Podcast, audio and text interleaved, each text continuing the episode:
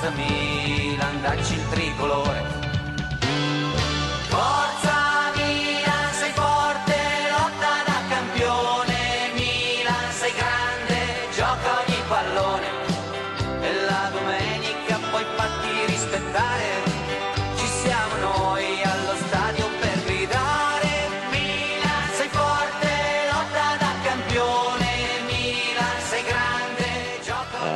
Ja, men ska vi sätta igång och prata lite Milan eller? Eh, i...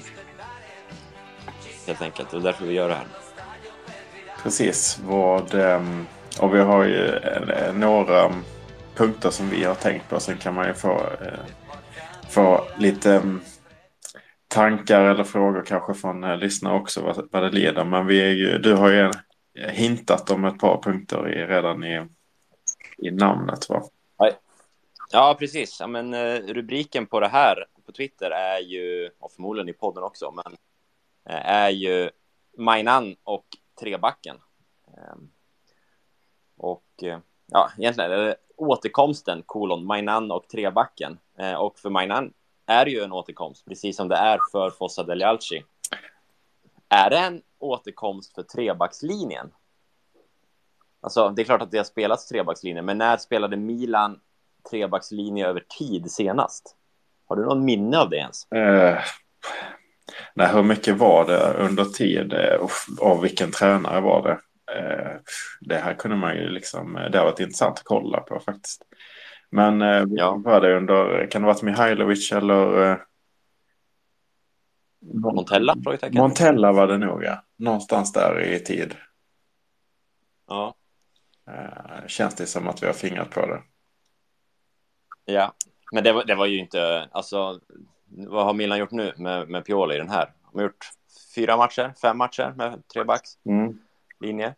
Eh, det känns ju inte som att det var så pass många gånger, eh, ens med Montella, om det nu var Montella. Så att det här är ju något nytt som, eh, som sker. Absolut. Ehm, och, och det var ju väldigt oväntat måste jag säga. Även om man har liksom fingrat på det innan. Så, och framförallt att gå in med det i ett derby kändes ju ja, oväntat helt, helt klart.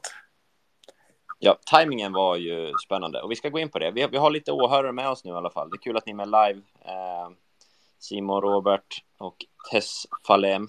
Eh, bara för det så försvann en av dem. Men eh, vi eh, gör ju det här som sagt ett litet... Eh, vi experimenterade ju för några veckor sedan och nu kör vi skarpt.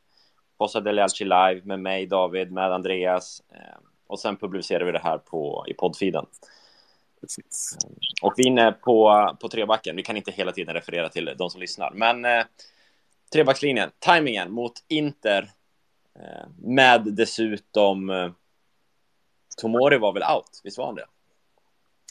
Tomori var out och även eh, Benassa, vilket eh, jag tror är eh, någonstans avgörande till att man körde trebacken ändå. För att det, eller, det är i alla fall det, den analysen jag gjorde inför. Är att jag, jag tänkte att man vill, han vill absolut staga upp Pioli ökar öka defensiva stabiliteten. Men jag trodde att det skulle vara ett tremannamittfält eller då två sittande med Benassa, Tonali och sen Krunic framför. För Krunic har ju också varit borta länge. Men var ju tillbaka till, till eh, eh, då ungefär. Jag trodde verkligen att man skulle köra, att han skulle köra på den linjen då, som är en lite mindre förändring. Men det är ju fortfarande mer defensivt stabilt. Men sen försvann ju då Benassa som ju är en, en väldigt viktig spelare på det där tvåmannamittfältet. Oh ja. Så att jag, jag tror att eh, eller, ja, det är min bild av att varför, eh, varför den sista kanske droppen som fick trebackslinjebägaren att rinna över så att säga. Men ja, vi ska ju diskutera kvaliteten på det såklart. Men tänker du att den eh, försvinner när han nu återvänder? När han lyckas återhämta sig från sin skada?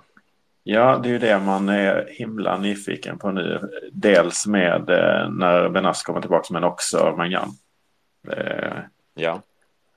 det är ju faktiskt väldigt svårt att spekulera i. Eh,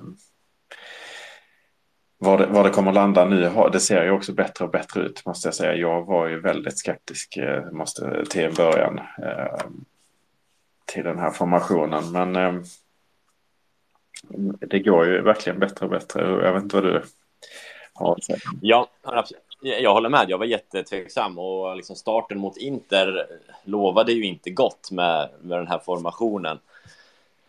Eh, men då, alltså, får vi tillbaks...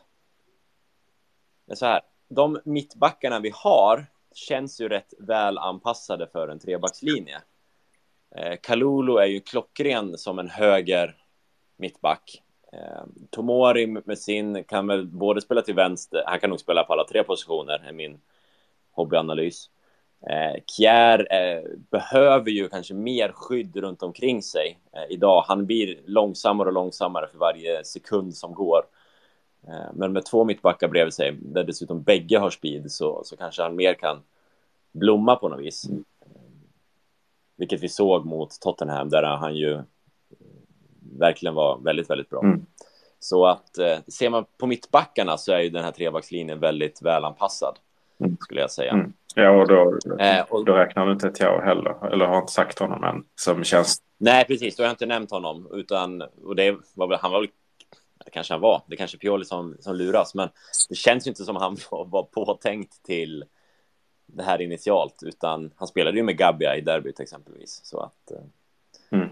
Ja, nej, så, så eh, och med Tiaos in, intåg här så, så känns ju trebackslinjen bra. Theo Hernandez kommer ännu mer till sin rätt, tycker jag, som ett halvt snäpp upp liksom. Nej, det, det blir för sig ingen större skillnad. Han äger hela vänsterkanten ändå, men. Eh, nej, jag är försiktigt positiv till det här. Det ska bli intressant att se hur det påverkar med eh, Benazer tillbaks. Vad som händer då, för han brukar ju ligga så jäkla lågt och det kanske man inte riktigt kan göra med tre bakom sig. Eller så trycker man upp Kalulu och Tomori istället då. Ja, vi får se. Ja, ja precis. Jag, eh, eh, ett av argumenten mot eh, trebackslinjen från början, för det här är trots allt någonting som jag vet i alla fall att vissa av mina sporter har förespråkat, eh, alltså innan när det fortsatt gick bra liksom. Eh, så eh, har ju mitt argument varit att vi inte haft tillräckligt många bra mittbackar, så det känns onödigt att slösa tre positioner där liksom. Men nu har vi ju det. Eh, Thiago känns ju väldigt spännande. Det jag blir lite bekymrad över som det är nu mot Atalanta utan Kjär är att jag är inte riktigt trygg med någon av deras positionssäkerhet riktigt. Kan bli lite väl rörigt men jag vet inte, det kanske bara är fördomsfullt mot Tiaw för att han är ung och sånt där. Han, han kanske kan styra det för att jag tror att han kommer ju väl stå och sitta i, i mitten av den här, tänker jag. Det tar jag för givet. Eh, jag är lite dåligt påläst. Är Kjär out eller är det att han startar på bänken? Vi ser vad som är det senaste. Han har ju varit lite halvtveksam.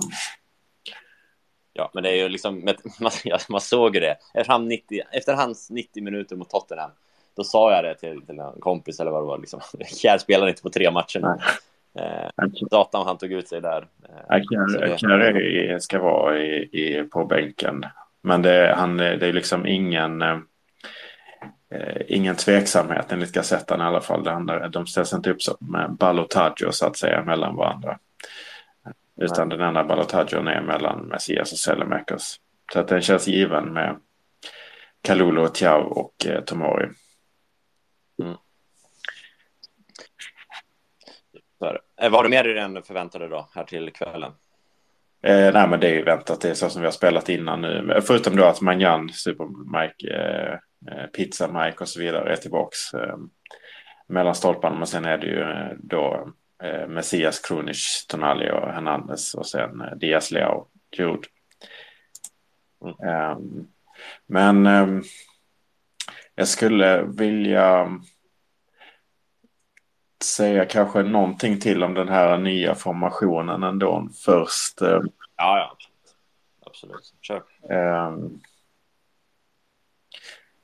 jag, det, det, är en sak som jag har varit negativ till innan och, och en, en så här generell nackdel med eh, trebacken tycker jag är ju att man, hamnar, man sitter väldigt lågt i, när man vinner boll.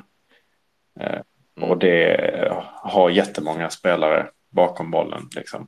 Det är svårt att göra omställningar och omställningar är ju det vi har varit, eller en av de grejerna vi har varit väldigt bra på. Det är svårare att vara aggressiva, åtminstone var det vi såg i början. Eh, att det är svårt att vara aggressiva, vinna boll högt, så som vi har vant oss vid att vi är, är väldigt vassa med. Liksom. Det är ju huvudargumentet till att jag var jätteskeptisk till det här och jag eh, gästade en annan Milan-podd och snackade om eh, att det var helt vansinnigt att det var folk, eller så här, det, att det inte var någon diskussion. Pioli ska stanna. Att det, jag tycker det är jättekonstigt att Milan eh, supportrar höjer rösten för att Pioli ska lämna. Ehm, jag tycker att jag kanske var onödigt hård, eller jag tycker att, jag tycker att det är helt fel att prata om att Pioli ska lämna. Men var, jag ser varför inte liksom starta en diskussion om det är någon som, som är av den åsikten så, så kan man ju diskutera den. Men, eh, men eh, Eh, jag tycker det är helt fel bara för att man har eh, några väldigt få matcher som har gått eh, dåligt. Även om det står riktigt, riktigt dåligt ut så, så är det liksom ett långsiktigt arbete på, på flera år egentligen som, som man skulle mm, förbise då någonstans. Men det jag kände med den här trebacken när den kom Eh, då var det ju ett helt annat lag. Och det, var, det kändes som att, ja, alltså Pioli satt där på bänken men, men ehm, det var ju liksom inte Piolis fotboll som spelades på planen utan vi satt lågt och bara väntade och eh, var oerhört mycket mer passiva än vi har varit och, och det är det som eh, den här aggressiviteten som har varit vårt framgångssätt liksom. Riktigt i början att eh, Leao hamnar helt eh, åt helvete, att han spelar alldeles för centralt och det har ju varit en av mina absolut största käpphästar sen vi började podda igen. Eh, att Leao är ingen central spelare. Så att då var jag väldigt, väldigt skeptisk och kände liksom att Alltså absolut inte att man ska, att Pioli ska gå ny. Men om man inte eh, om han inte ska spela sin egen fotboll och det han tror på, då är, är vi ute på en, eh, en stig som jag inte är bekväm med. Ja, samtidigt så, alltså jag förstår ju vad du menar. Eh, men det är ju inte direkt så att den här formationsskiften och så som det ser ut just nu, det är ju ingen utifrån som har tryckt för ibland så märker man ju att, att tränare verkligen faller för det publika trycket. Mm. Eh, att man liksom viker sina principer för vad fans mm. tycker. Det var ju inget, ja, kanske att någon propagerade för trebackslinjen generellt, men det var nog väldigt få som tyckte att nu ska Milan gå in och stå lågt och stänga sin box liksom. Så det är ju ändå idéerna och tankarna kommer ju från Pioli såklart. Eh, och det, det, ja. Även han måste ju ha en utvecklingskurva liksom. Jag tycker inte att tränare måste alltid spela på samma sätt var de än är, hur de än gör. Eh, truppen förändras och han har väl insett att de har kört lite fast med 4-2-3-1 också. Mm. Och att han, han och truppen kan den och i det där läget som vi var i så behövdes det något nytt, så att någonting behövde ske. Och istället för att totalt ändra om i vilka som spelar kanske så, så fanns det ett, det, men det, det, här, det var den vägen han såg. Och nu går det ju vägen. Så att jag fattar vad du menar med att det inte är så man vill se Pioli kanske, men det här kanske är nya Pioli. Han kanske ja, han kanske är en trebackscoach från och med nu. Mm. Eh, ja, alltså, eh, och det jag ska säga är att det här var min känsla i början. Jag tycker verkligen att det har sett bättre och bättre ut. Och det är klart, man kan, ja. man kan inte förvänta sig att det sitter från eh, första punkten. Men jag tycker ändå att med de egenskaperna vi har så, så tycker jag att det är väldigt synd om man ska ta bort det här aggressiva. Men det kan man nog kombinera tycker jag. Jag tycker vi har sett det också. Även om vi sitter lägre, alltså hela laget har en lägre utgångspunkt det tror jag inte man kommer ifrån eh, jämfört med vad vi har haft innan. Um, samtidigt, samtidigt på just den detaljen så det var någon expert, var det i Champions League möjligtvis? Men de, man anmärker ganska tydligt på att Leao, han har ju alltid varit en lite loja och inte alltid varit med hem, men han har ändå funnits en hel del med hem i, i hemspringet liksom. Mm. Nu står han ju betydligt högre. Han tar ju inte många defensiva löpningar eftersom Theo är mer skyddad av, av Tomori då, eller vem det nu är som spelar till vänster. Exakt. Så, och det är han, det är han och Theo som är våra kontrare liksom. Och då, han finns ju kvar där uppe, vilket gör att vi fortfarande har ju något form av kontringshot. Exakt, och det tycker jag är en jävligt eh, bra poäng. Och den så faktiskt, jag snackade med eh, en av eh, våra trogna lyssnare, Melker. Eh, och han sa just detta, eller Melker, jag hade en annan, Robert Melkersson menar jag. Ja eh, snackade med honom och han eh, sa detta då också, för jag var skeptisk till det här med Leo centralt som jag har min lilla låsning. Men eh, han sa ju det när vi, vi kan spela trebackslinje men och Leo kan utgå från centralt i omställningsspelet. Och sen när det är uppställt spel, ja men då kan han söka sig mer friare kanske till, till, till kanten och, och göra sin grej, utmana och så där. Eh, det han är bäst. Mm. Och då får man ju verkligen det här att han är mm, ännu mer delaktig kanske i omställningarna. Eh, och det är faktiskt det vi har sett sen också så att jag tycker att det var en eh, jävla bra spaning av honom. Eh, och eh, är också väldigt, mycket, väldigt nöjd med det här. Och för, för i början tyckte jag också att eh, Leo hamnade snett på det liksom de första matcherna. Men jag tycker att vi har sett, sett det helt annorlunda nu. Och det bekräftar väl egentligen, Pioli pratade om det här inför matchen mot Atalanta nu också på presskonferensen, att eh, det, vore väldigt konstigt eller det vore direkt fel, eh, jag kommer inte ihåg vilket ordval han använde, men att, eh, att tränaren hittar på en ny formation där en av de viktigaste spelarna inte får ut sina bästa egenskaper och inte är nöjd med, med det och sånt där. Men så här är, så här är inte fallet med Leo. Så att eh, det är ju verkligen någonting man har tänkt på. Det, det var ju verkligen en farhåga om Theo ska ännu längre upp på den kanten att det blir lite väl trångt med Leo Eh, på samma kant. Men eh, den här lösningen är spännande alltså. Och, och eh, Theo är ju inte heller främmande för att söka sig in centralt. Så att, ja, nej, det, jag, jag tror verkligen att det kan bli bra.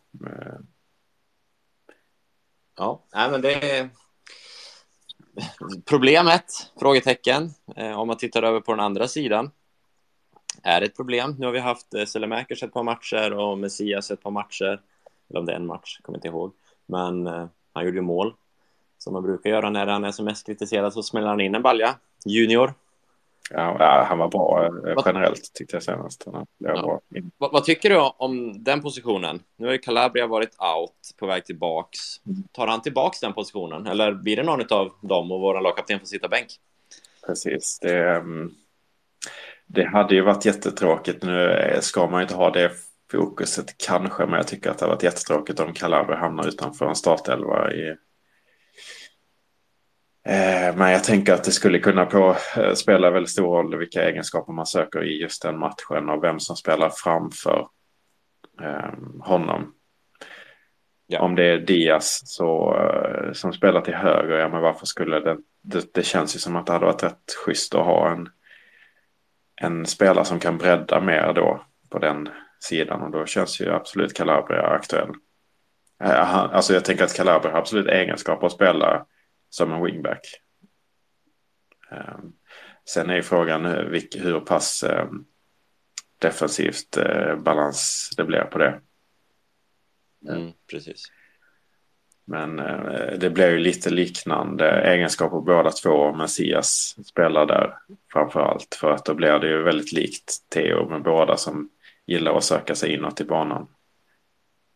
Ja, och Messias ännu mer nästan med tanke på att han är vänsterfotad. Det är ännu tydligare.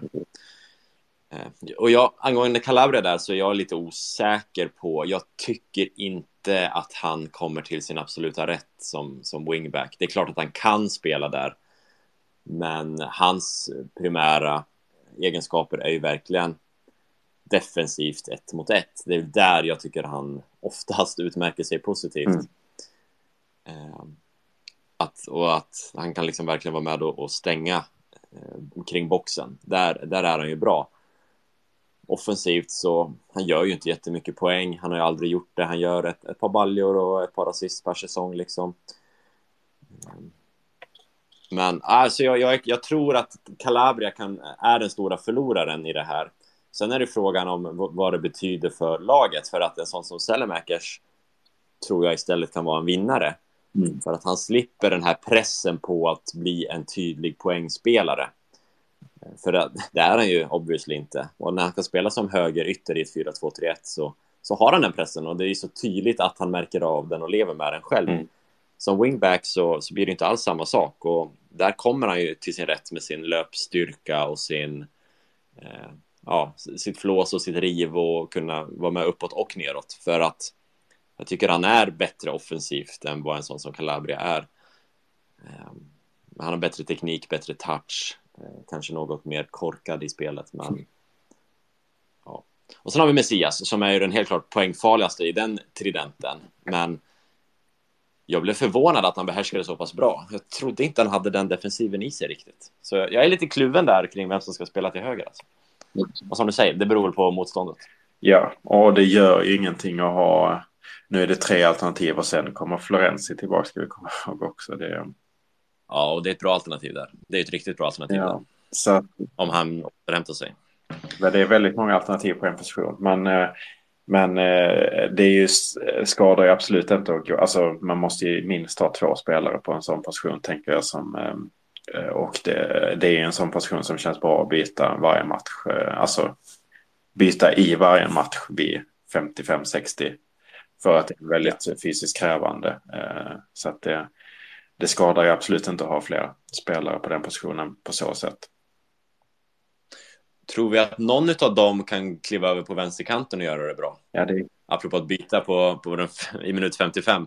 För att Theo spelar ju 90, 90, 90, 90, 90, 90, 90 hela tiden. Tills han går sönder och är borta en och en halv match eller två. Ja, precis.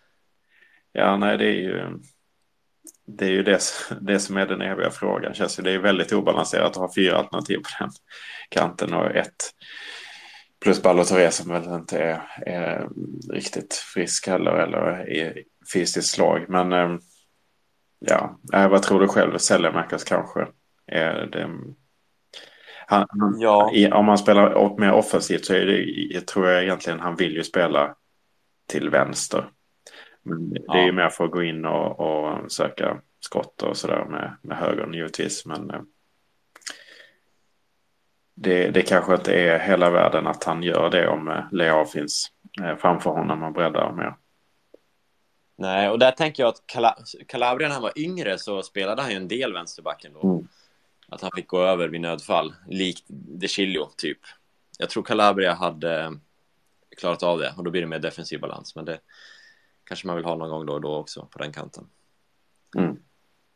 Det är väl Messias som är den enda vänsterfotare som jag inte riktigt ser behärska den positionen. Nej, precis. Nej, det känns ju verkligen så. Han är ju väldigt mycket för att driva åt andra hållet. Eh, Nej, det är, det är intressant. Sen kan man, ja, man kan ju också vända om Calabria ska, ska pusslas in så känns han väl också som ett alternativ kanske till höger i en treback. Ja, istället för Kalou. Det är ju egentligen, då blir det ju ganska likt så som vi har spelat eh, på ja. sätt och vis innan. Nej. Nej, med, med att han, han har en lägre utgångsposition och Theo är mer framskjuten. Liksom. Det blir ju väldigt likt. Ja. Eh, jag tänker, vi har ju några åhörare med. Eh, man kan ju antingen skriva in tankar, frågor kring det här med position. Eller man kan ju begära ordet så kan vi liksom släppa in för en muntlig liten fråga eller bollning. Ehm, om man vill det. Om det är någon som lyssnar som har lite tankar. Så finns möjligheten. Jag tror man kan typ begära ordet så kan jag godkänna det. Eh, möjligheterna finns. Vill jag bara säga. Eh, för vi ska snart börja prata lite mer om eh, Big Magic Mikes återkomst in i den här startelvan också.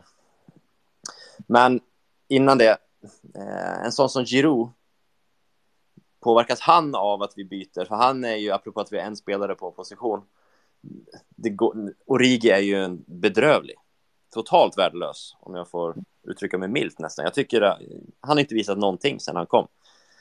Nej, tycker jag. Det. Eh, förutom det snygga målet han gjorde, men då låg vi väl ändå under. Det var väl någon av de där förlustmatcherna.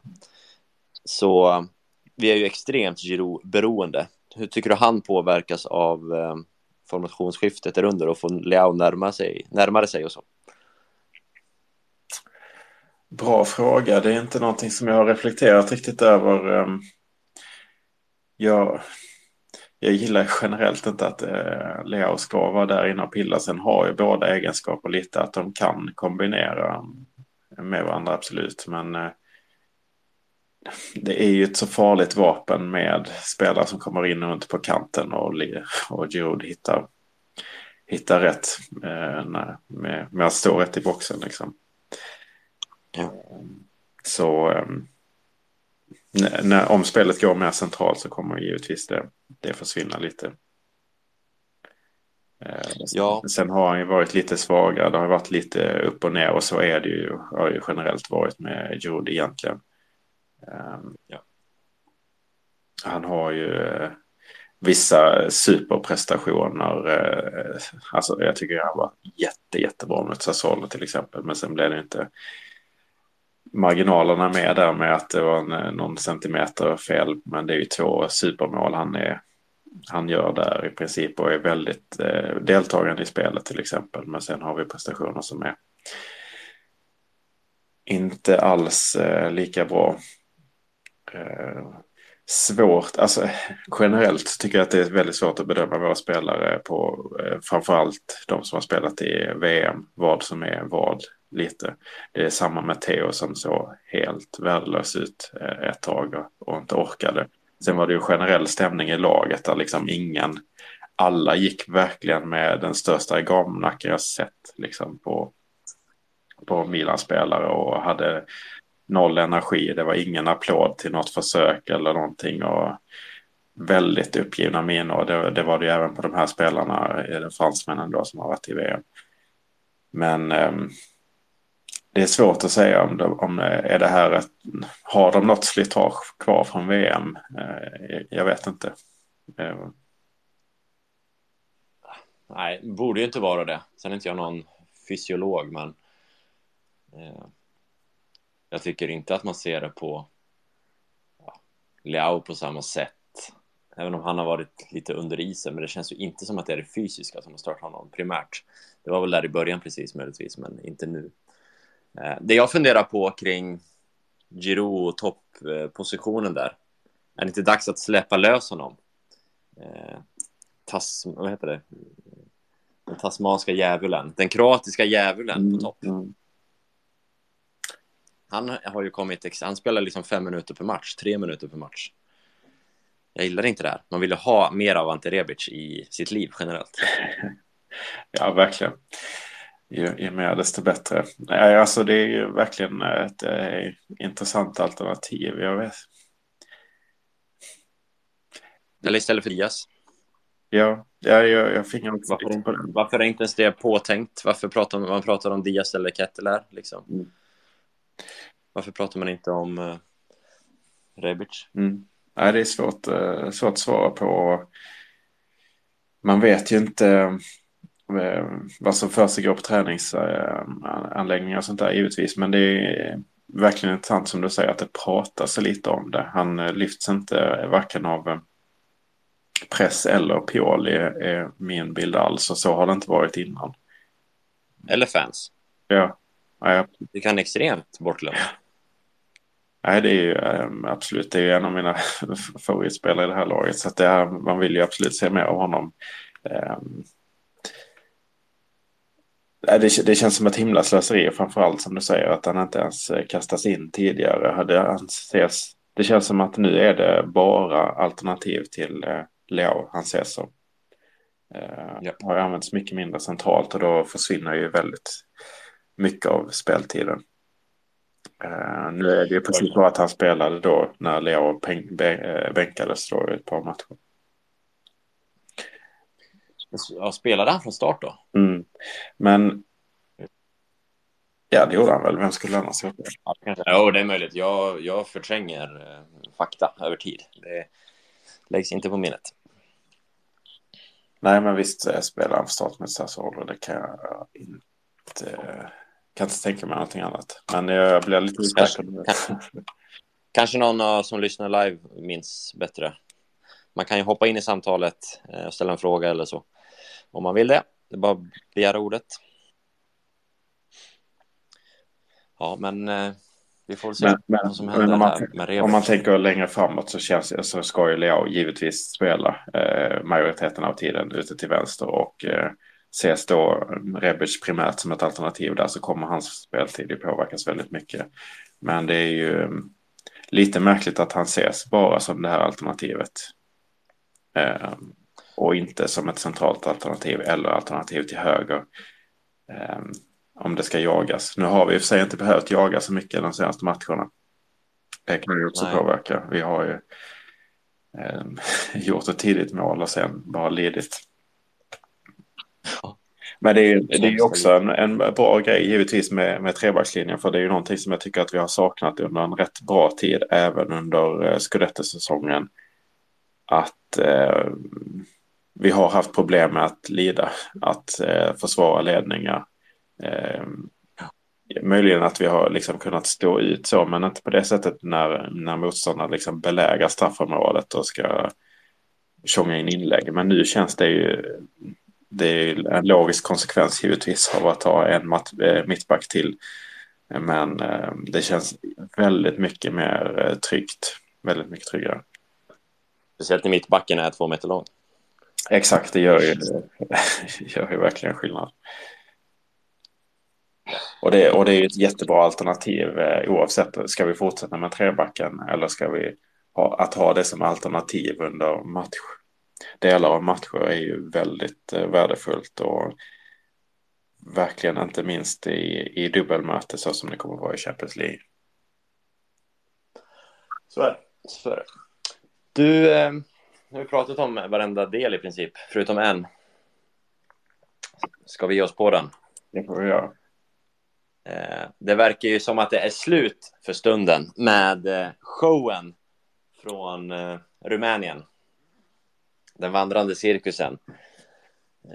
Tatarusano. Omedvetna, ofrivilliga cirkusen. Men mm, Piolo har ju bekräftat att Mainan startar ikväll så att vi får väl hoppas att han är helt frisk nu. Även om ju Tatarusano har han har ju spelat upp sig rejält med den här trebackslinjen. Ja, han är... Nästan alltså, att man kommer sakna Tatarusano lite. Alltså om Rebic är en av mina, säg topp... Ah, det är så jävla många fina spelare i det här laget. Men det är en av mina favoritspelare, så är ju Tatarusano en av dina. han är ju en, en hatkärlek eh, som... Ja, jag tycker han fyller sin funktion och han gör det, han gör det ju bra. Ja, ja nej, men absolut, han har ju spelat upp sig. Det var ju inte samma eh, sak i början. eller, för, eller under en viss period här. Det var kanske inte primärt i början, men eh, det, sen är det klart att när det liksom kastas in bollar och vi, vi släpper in ett mål, vi släpper in två mål nästa match, vi släpper in tre mål nästa match, vi släpper in fyra matcher därpå och sen fem. Mm. Det är fem på det. det. Det är klart att det inte är kul att ha målvakt då. Nej. Och det är klart att det är en del av dem som han borde ha räddat och en, ännu fler som Mangan i form hade räddat. Eh, eftersom han är en av världens bästa. Visst. Det är väl några Tatarusano skulle kanske tagit, men man vet ju hur bra han är och det, jag ser inte att det är jättemånga som han absolut skulle tagit som han har släppt in. Alltså, han är ju inte så mycket bättre än vad han har visat, Nej. är ju min bild av det. Sen kanske det är ett underbetyg för att vara andra målis i Milan, men jag tycker inte man ska hänga honom primärt för att det har sett ut som det har sett ut. Liksom. Nej, nej, absolut Han ger ju inget förtroende. Det, det, det är kanske en större, det är väl det större problemet med Tatarusano snarare än att han inte räddar bollarna som kanske Magnan hade gjort. Exakt. Men det är att eh, back, backlinjen vill trivs inte med honom. Nej. Det är ju extremt tydligt på, från alla håll och det blev ju väl som tydligast var det mot Inter när bollen studsade i straffområdet eh, och han liksom stod kvar på linjen och det gick ut i hörna till slut. Och åtta spelare gestikulerade samtidigt mot honom. Det finns någon stillbild där som är ganska talande, mm. som förmodligen de flesta har sett. Som, eh, ja, där var det väl liksom, där nådde det väl målvaktsproblemen sin peak. hittills. På något vis. Ja, precis. Thiaw var ju tydligast där med sin, sitt missnöje. Han blev inbytt där och, och tog plats. Det är ju häftigt. Eh, och det är ju inte egentligen bara han. Det är, han är ju kapten i U21 i, i Tyskland. Mm. Han, eh, bara för man är ung så behöver man inte liksom sakna ledaregenskaper. Det är häftigt alltså. Att han går in och tar plats eh, på det sättet som man gör. Och Kalulu är väl eh, det är kapten också. Jag för mig. Frågan om inte var Robert som skickade det här till mig också någon gång. Att vi hade så här jättemånga ungdomskaptener. Det är en väldigt intressant eh, värvningsstrategi. Men det var ett, ett, ett stickspår. Eh, och det var eh, precis det jag skulle komma till med, med tryggheten också. Det var bara att jag få, eh, skulle börja det här med att det kanske är några enstaka eh, bollar som han borde ha räddat och ännu några till som, som Manjan hade räddat eftersom han är fantastisk. Men det är ju mer den här tryggheten som är problemet. Um, ja. Och det är väl det lite som man saknar att han gör de här eh, rätt stora misstagen också som man kanske hade gärna eh, varit utan. Vi såg ju det även under Scudetto-säsongen. Eh, har han ja. som han tvålar in och tappar någon, eh, tappar någon luftboll som, som man bara släpper och, och det, på en hörna man tar, slår in returen. Och det var ju några riktiga grodor eller tavlor eller vilken liknelse man vill använda verkligen. Ehm, och ja, det blir ju Tata Rosano. Tack Tata för, för showen. Ehm, men nu för, det blir ju intressant att se hur, vilket slag han är i, Magnan. Vad kan man förvänta sig? Ehm, och vad är det ens för typ av skada som har varit nu? Är det häl? Är det... det... Det har ju varit, det är väl ett fakta vad det nu är. Ehm, det, det är slapp research av mig som inte har koll. Ehm, men det har ju varit eh, så lite snack om hans skada. Det har ju varit intressant i hans frånvaroperiod här. Vad det är egentligen. Hur går det? Eh, vad beror dröjsmålet? Alltså vad är anledningen? Mm. Det sades att han var redo. Sen stressade Frankrike tillbaka honom inför VM där och så blev det bakslag. Mm. Eh, sen har det kommit rykten om andra eh, orsaker som är väl mest rykten startade från, från fel håll kanske. Det var väl snack om droger och grejer. Eh, som du ju effektivt i, i vår gruppchatt avfärdade. Det var, det var ju ett kokainrykte eh, att man höll honom borta där, Mainan, för att eh, inte att han inte skulle fastna i dopingprov, men du, kokain försvinner tydligen snabbt från blodet. Ja, det, det går ut jättesnabbt. Så jag, jag, jag ser inte logiken alls i, i det. Jag hade inte ens hört det här ryktet så det måste ju vara väldigt eh komma från suspekta håll, tänker jag. Jag vet inte vad du har för, för kontakter och källor med, med eh, droghandeln i Milano. Men eh, jag hade inte nåtts av de uppgifterna i alla fall. Eh, och det, det låter väldigt osannolikt tycker jag. Ja. ja. Eh, men mm. ja, det är som sagt, det blir intressant att se nu vilket fysiskt slag han är i och eh, om man kan vänta sig liksom superräddningar och sånt igen eller om det kommer dröja, ska komma in i det nu. Han går in direkt från start mot Atalanta mm. i ett lag som har hållit nolla nu i tre matcher. Mm. Fyra matcher, tre matcher. Eh, så ja. ja. Fan vad jag ser fram emot kvällen. Vad sa du sist? Fan vad jag ser fram emot kvällen. Ja, ja jävlar. Just den aspekten. Det är ju många aspekter, men bland annat den aspekten. Ja, verkligen. Uh, nej, alltså det är ju jäkla trist att han varit borta så länge för uh, vår säsong. Jag tycker att det pratas för lite om det. Uh, det kan vi komma in på senare kanske, men uh, han... Sen, sen är det ju så, man kan se det som eh, att han är väldigt skadebenägen och han har varit borta mycket förra säsongen, har varit borta mycket den här säsongen. Jättemycket den här säsongen, det är fem månader typ. Eh, mm. Eh, det, det, man kan säga är väl att han ska hålla sig borta från de här franska jävla läkarna som... Det var ju i samband med landslagssamling som han försvann senast också. Men men det var ju, ska man ju komma ihåg, det var väl att han sannolikt att han blev trampad på handen liksom som gjorde att han eh, var borta förra säsongen. Eh, och Just. liksom att det var ett, eh, ett ben där i handen som gick sönder och måste opereras. Det är ju liksom, det är ju inte att man är skadebenägen. Det är ju att man har en, en riktigt rövig anfallare. som man möter. Men eh, det är klart att en muskelskada ska helst läka snabbare än vad det här har gjort. Eh, jag har för mig att det är vaden som man har problem med. Jag har faktiskt inte satt, eh, satt, jag har satt mig in ovanligt lite i, i det här. Eh, men visst är det en, eh, en muskelskada där som har, han liksom eh, kommit tillbaka och det har man haft svårt att rehabilitera den helt enkelt. Och det är förvisso oroväckande givetvis att det tagit lång tid men det är samtidigt det har varit betydligt värre om det inte hade varit handen förra gången utan det varit samma muskel eller något annat, eh, någon annan mjukdel som hade varit ett problem som verkligen återkommande eh, hade ställt till det. Här är det förvisso väldigt långt, eh, lång frånvaro men först är det en traumatisk skada att någon har trampat på en hand och det andra är en muskelskada. Så på det sättet är det ju bara en muskelskada han har haft. Liksom. Ja. Men... Eh, Fast det var just, var det inte ena vaden eh, innan VM och den andra vaden efter VM? All right, i så fall eh, får jag backa. Men det, i så fall har jag missat det. Men det, så kan det mycket väl vara. Ja, jag blir osäker nu och det är ju eh, slappt. Men eh, åter, någon lyssnare kanske vet det här så gör er hörda i så fall. Mm. Får gärna komma med. När vi möts av fakta så backar vi. Nu sitter vi här och gissar lite. Så är det. Så är det. Men eh, det, nej, det ska bli intressant att se vad, eh, vad, vad han står. Givetvis om han är ringrostig. Det är ändå 28 eller 5 månader han har varit borta. Liksom. Så att det är ju rimligt att det är ringrostigt. Men det, och sen ska det bli intressant att se vad det får för konsekvenser för spelet. För att eh, man kan inte lasta Tatarosana för att han inte är på samma nivå gällande den här egenskapen. Men det kommer ju vara en, ett jättestort lyft för oss i uppspelsfasen med Manjan tillbaks. Hans fötter är på en väldigt hög internationell nivå.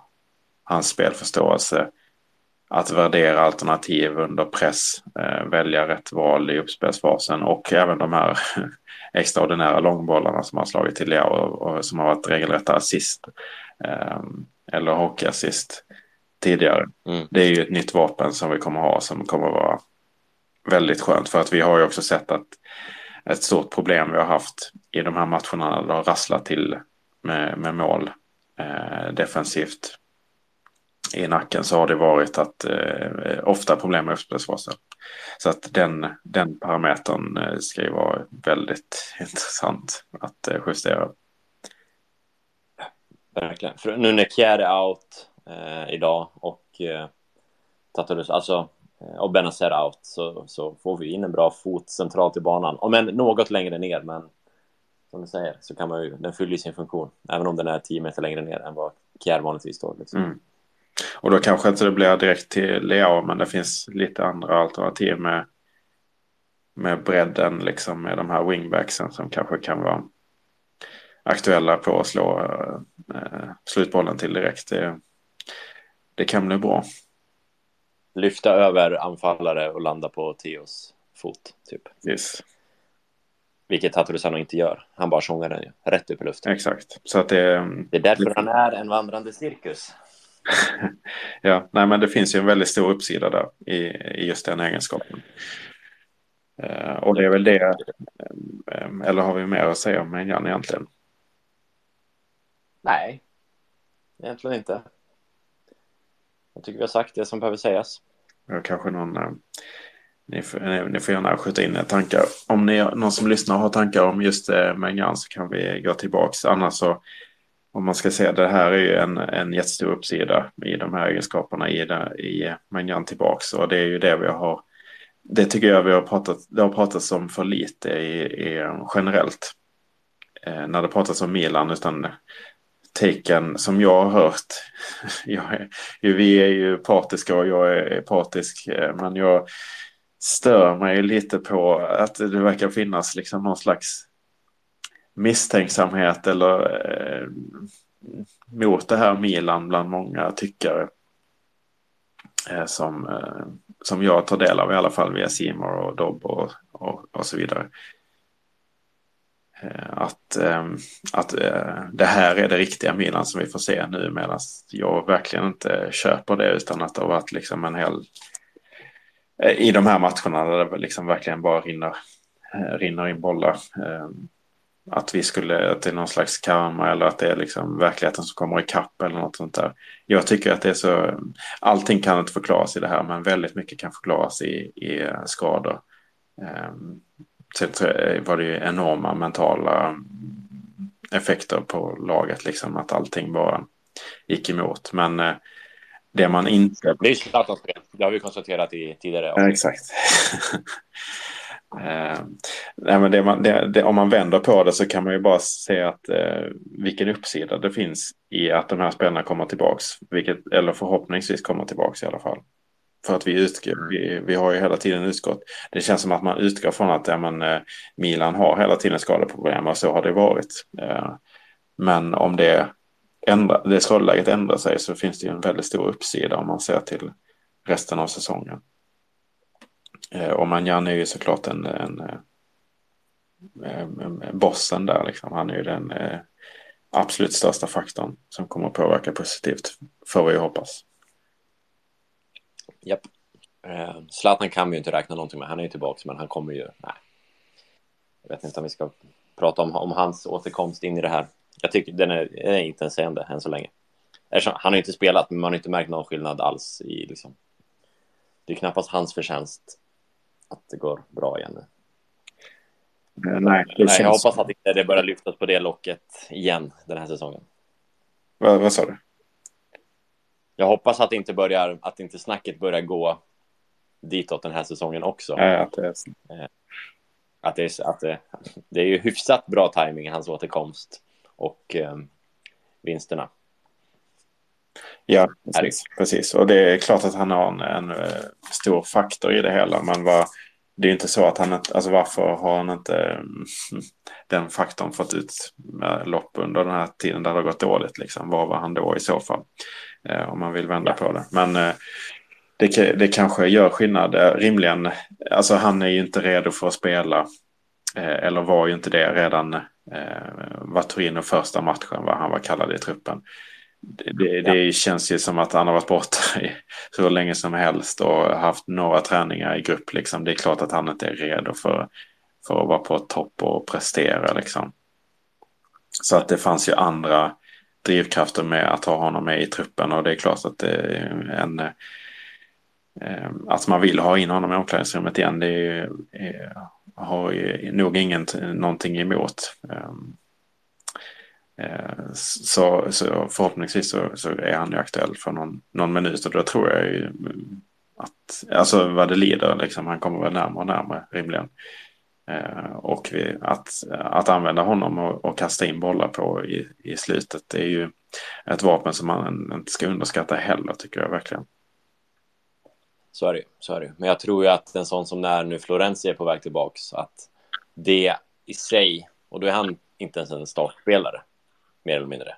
Men jag tror ändå hans, rent på planen, men jag vet inte. Ja, jag har gett upp mycket av hoppet på Zlatan. Mm. Det är väl bara en bild jag har, att jag tror han är totalt slut. Jag tror inte han orkar spela mer än fem minuter max liksom, mm. på en match. Och gör han det så är han out nästa match. Ja, det är gärna motbevisat, men uh, ja. Ja, så kan det ju vara. Samtidigt är man ju präglad av den här bilden av hur det såg ut förra säsongen. Men då spelar han ju också utan korsband och med enorm svullnad i knät. Eh, ja. Under hösten där. Eller under våren. Eh, och under hösten så spelade han liksom varje, varje match fram till rimligen då eh, korsbandet gick. Eh, och som jag varit inne på innan, alla, alla anfallare utöver honom var skadade. Det fanns ingen Leao, det fanns ingen Rebic, det fanns ingen eh, Lasse Titsch eller eh, vem det nu var som var det här femte valet. Och, eh, och ingen Jude. Så att det fanns ju ingen som tog löpningar runt om honom. Han var väldigt isolerad och så kom ju verkligen inte ut i sin rätt då. Så att det finns en uppsida där också om det lyckas eh, vill jag ändå flagga för. Ehm, men det är inte primärt den spelaren som kommer att göra störst skillnad med att komma tillbaka. Just nu är man ju mest sugen på att få tillbaka. När man är tillbaka så vill man ju framförallt ha Benazer tillbaka på kontinuerlig basis. Och då har vi mer eller mindre vårt bästa lag igen och det har vi inte haft på i princip hela säsongen. Eh, så just den uppsidan känns ju väldigt lockande. det är någon ny som hinner skada sig, ska du vara. Ska inte vara orolig. Nej, Det blir väl någon baksida på Theo här ikväll eller så. verkligen. Blir det Ballotorea från start framöver? Då får man skruva på formationen igen. Nej, möjligt. Du, jag tänker att vi ska börja runda av det här. Vi har pratat i 55 minuter nu. Mm. Släpper återigen sista påminnelsen här, men eh, generella tankar, Milan, frågor, inspel om någonting som vi har sagt. Vi har ändå ett gäng som har varit med ganska länge nu. Filip och Tesfal har varit med hela tiden tror jag. Gabriel har lyssnat mycket. Eh, om det är någon som vill ha någon tanke så är ju här en grej som inte funkar i gamla Fossa del. Att man satt hemma och svor över hur fel vi hade om någonting. Nu kan vi faktiskt in och säga det. Exakt. Någonting Men om man, inte annat så... Ja, kör. är någonting man eh, som känns oroväckande är ju den här jävla potatisåkern vi spelar på. Alltså. Eh, det, vi är ju lite tillbaka Ja. till där vi var för en massa år sedan igen.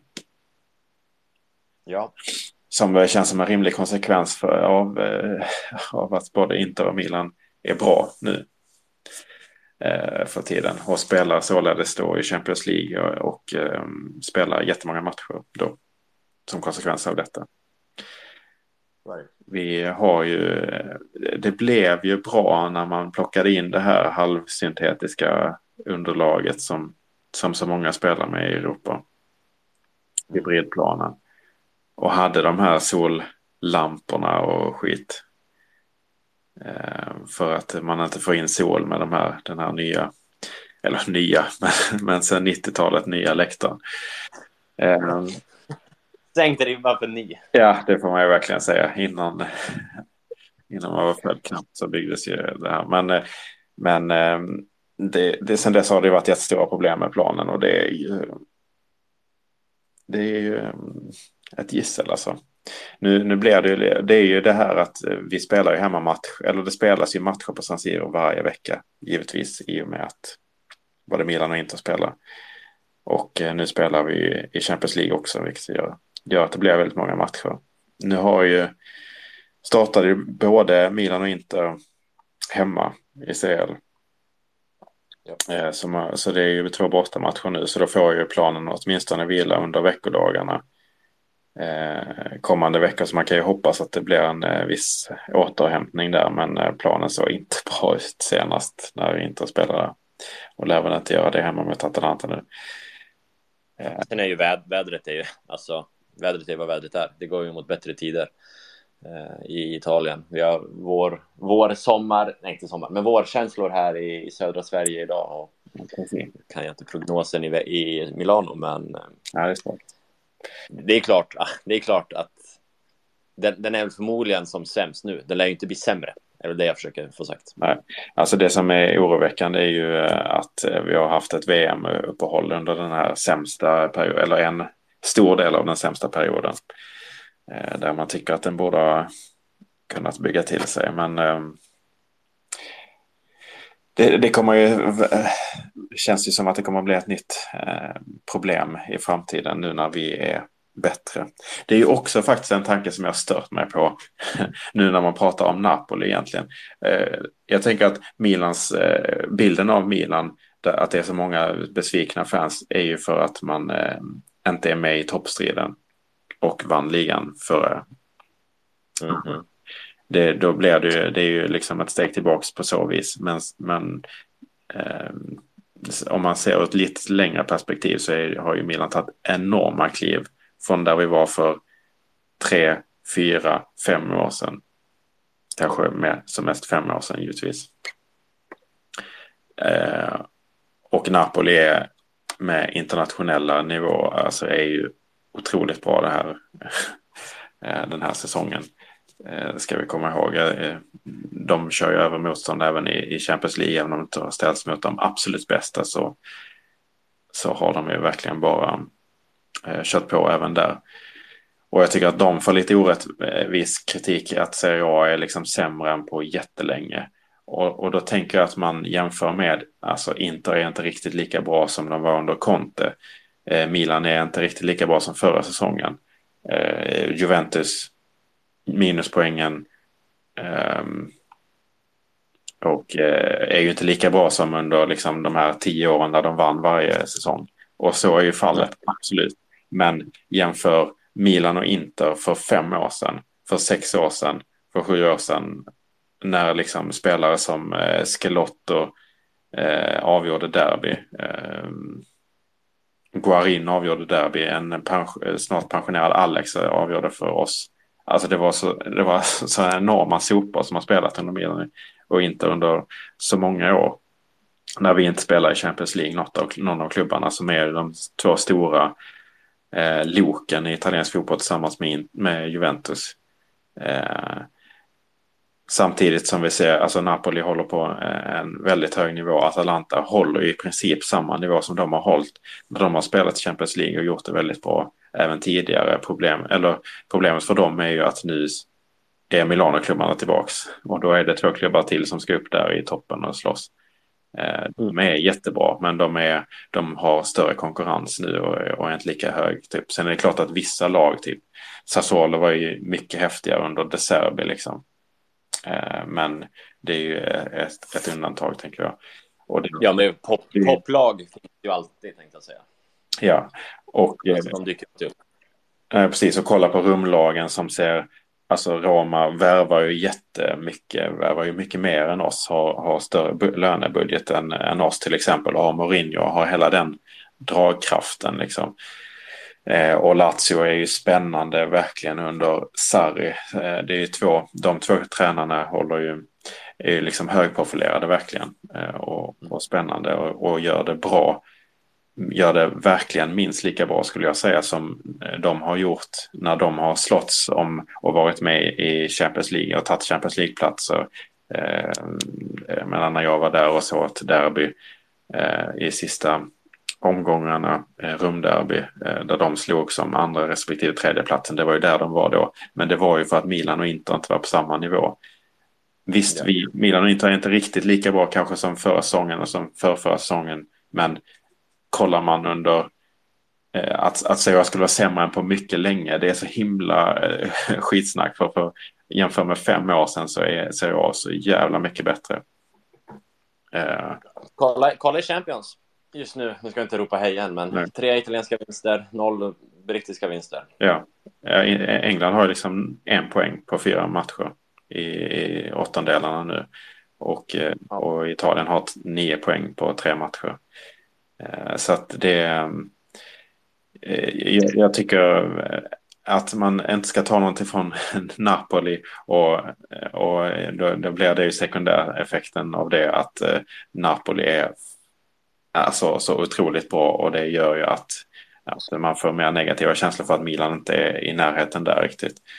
Eh, men ser du ett större perspektiv hur, hur Milan har tagit steg och att kunna liksom nu får vi se fram emot stället och bara, ja, fan vi tar en, eh, en Champions League-plats är det viktiga. Det vi spelar i Champions League, då är det tredje året i rad. Alltså det är ju, det är ju så lite. Det är ju det som är, kommer vara så himla viktigt att kunna etableras i Champions League och vi har bara spelat två år i rad. Ska vi komma ihåg. Eh, det, på något sätt så ska någon annan vinna än, än Milan så är det ju, gör den mig absolut minst att Napoli vinner. Eh, så, att, så är det ju. Så på så vis så, så har jag någonstans accepterat att fine, Napoli får vinna. Och så kan vi nu bara sitta och liksom bara köra fullt mot att etablera oss i Champions, för en ny Champions League-plats. Um, satsa på Champions League. Det, det, det, det, känns bättre att redan nu veta att nu ska vi satsa på Champions League eh, plats än att förlora i slutet eh, mot Napoli. Nu kan man liksom, fine, unna dem lite att de vinner Champions League, eller vinner ligan som, som aldrig gör det annars. Eh. Nej, och de, de är inget poplag på det sättet, men jag har svårt att se om, de, om eller när de går och vinner nu att Kvaratskhelia och Osimhen är kvar. Eh, I alla fall bägge två är inte kvar. Precis. Så att, så att de lär ju vara försvagade till nästa säsong. Exakt, den övergripande trenden är ju verkligen positiv för Milan sett till det. Sen kanske visst, eh, vi ska inte börja prata om Leos kontraktssituation nu, han kanske lämnar, men vi har ju fortfarande det här unga laget där allting pekar uppåt. Eh, ekonomiskt är vi mycket mer stabila än Juve som är dessutom det här har ju ett jävla gissel med, med rättvisan och med ekonomin. Um, och, och, inte har jättestora problem med, med ekonomin och eh, har en åldrande trupp och så vidare. Allt, alla de här faktorerna är kvar. Uh, nästa säsong säljs förmodligen spelare från Napoli. Det är så De Laurentiis uh, funkar rimligen. Så att övergripande eh, trenden för oss är ju verkligen eh, positiv. Så är det. Så är det. Eh, vi fick en kommentar där från, från Filip. Han ville hoppa in med en eh, arbetet. Eh, han skulle gå in i och göra söndagstjänsten här så att han kunde inte vara med. Men eh, annars är det väl ett lyckat eh, format här hoppas jag, Andreas. Mm. Det vi har gjort här, eh, liven, vad heter den? Det heter Område, vilket är ett extremt konstigt namn på att sända live. Det får man verkligen säga. Ja, det... Twitter. Men eh, för er som lyssnar i efterhand så gör vi det här först live på Twitter och sen lägger vi upp det som, som fil på, i poddfeeden där. Det man, att, eh, det man får hoppas att folk har överseende med är att kvaliteten på ljud och eh, sådär är ju sämre och det är vi medvetna om. Eh, ja. Det problemet är att det är väl i princip så här vi kan köra för att ha möjlighet att göra det för att det är mindre arbete med eh, klippning och eh, annat. Eh, så att eh, det är väl egentligen i stort sett det här eller ingenting just nu och det, det är det vi har landat i. Ehm, så kvaliteten är sämre på ljudet men förhoppningsvis så finns det ju Eh, det är kul att köra överhuvudtaget men också förhoppningsvis stor uppsida i att man kanske kan interagera kanske mer med, med lyssnarna också. Precis, där ser jag en stor styrka och vi vill se gärna framöver där att ni är med och prata live, inte bara skickar in frågor inför liksom, utan ni får gärna vara med och prata och tänka och tycka. Så att eh, ta med det till nästa gång, när det nu blir. Vi kör inte liksom varje söndag klockan tio, utan när andan faller på. Men som du säger där, Andreas, så man kan, man kan ju tänka, jag tänkte först, men vi kan göra det en gång i månaden med bra ljud liksom och köra två timmar. Men det är just de här att, att sitta ner och spela in i två timmar och sen redigera i två timmar. Det är den tiden som jag inte vill prioritera på det här just nu, utan då är det här sättet smidigare. Så då gör jag hellre något kortare, något oftare, eh, kan jag väl säga. Och vara mm. transparent med det. Mm. Men med det, eh, nu ska jag väl se hur man gör här med uppladdningen. Antingen gör det direkt eller så går jag och handlar först. Passa på att suga in D-vitaminerna som finns i, i luften i Växjö kommun just nu. Sa du C-vitamin? Nej, D. Ja, okej. Okay. Ja, bra. Ja, så dålig är ljudkvaliteten. ja, jag har också ätit vindruvor under sista halvtimmen här. Jag vet inte om det har påverkat kvaliteten. Ja, ja, eh, men Andreas, tack för det här. Det funkade ju bra. Och mm. eh, tack för ni som har lyssnat. Det är ett gäng som varit med från start. Så kul. Och sen hörs vi när vi hörs. Vi har ingen live-jingel, men vi har ju... Vi kan trycka på någon annat kul ljudeffekt och avsluta det här med. Men tack för idag, Andreas. Tack själv och tack till alla som har lyssnat. Adjöken, ciao.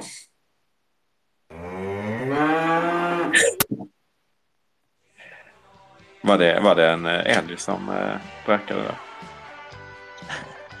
Det var avslutsljudet. Det var en brunstig älg. Mm. Ja. Tack och hej!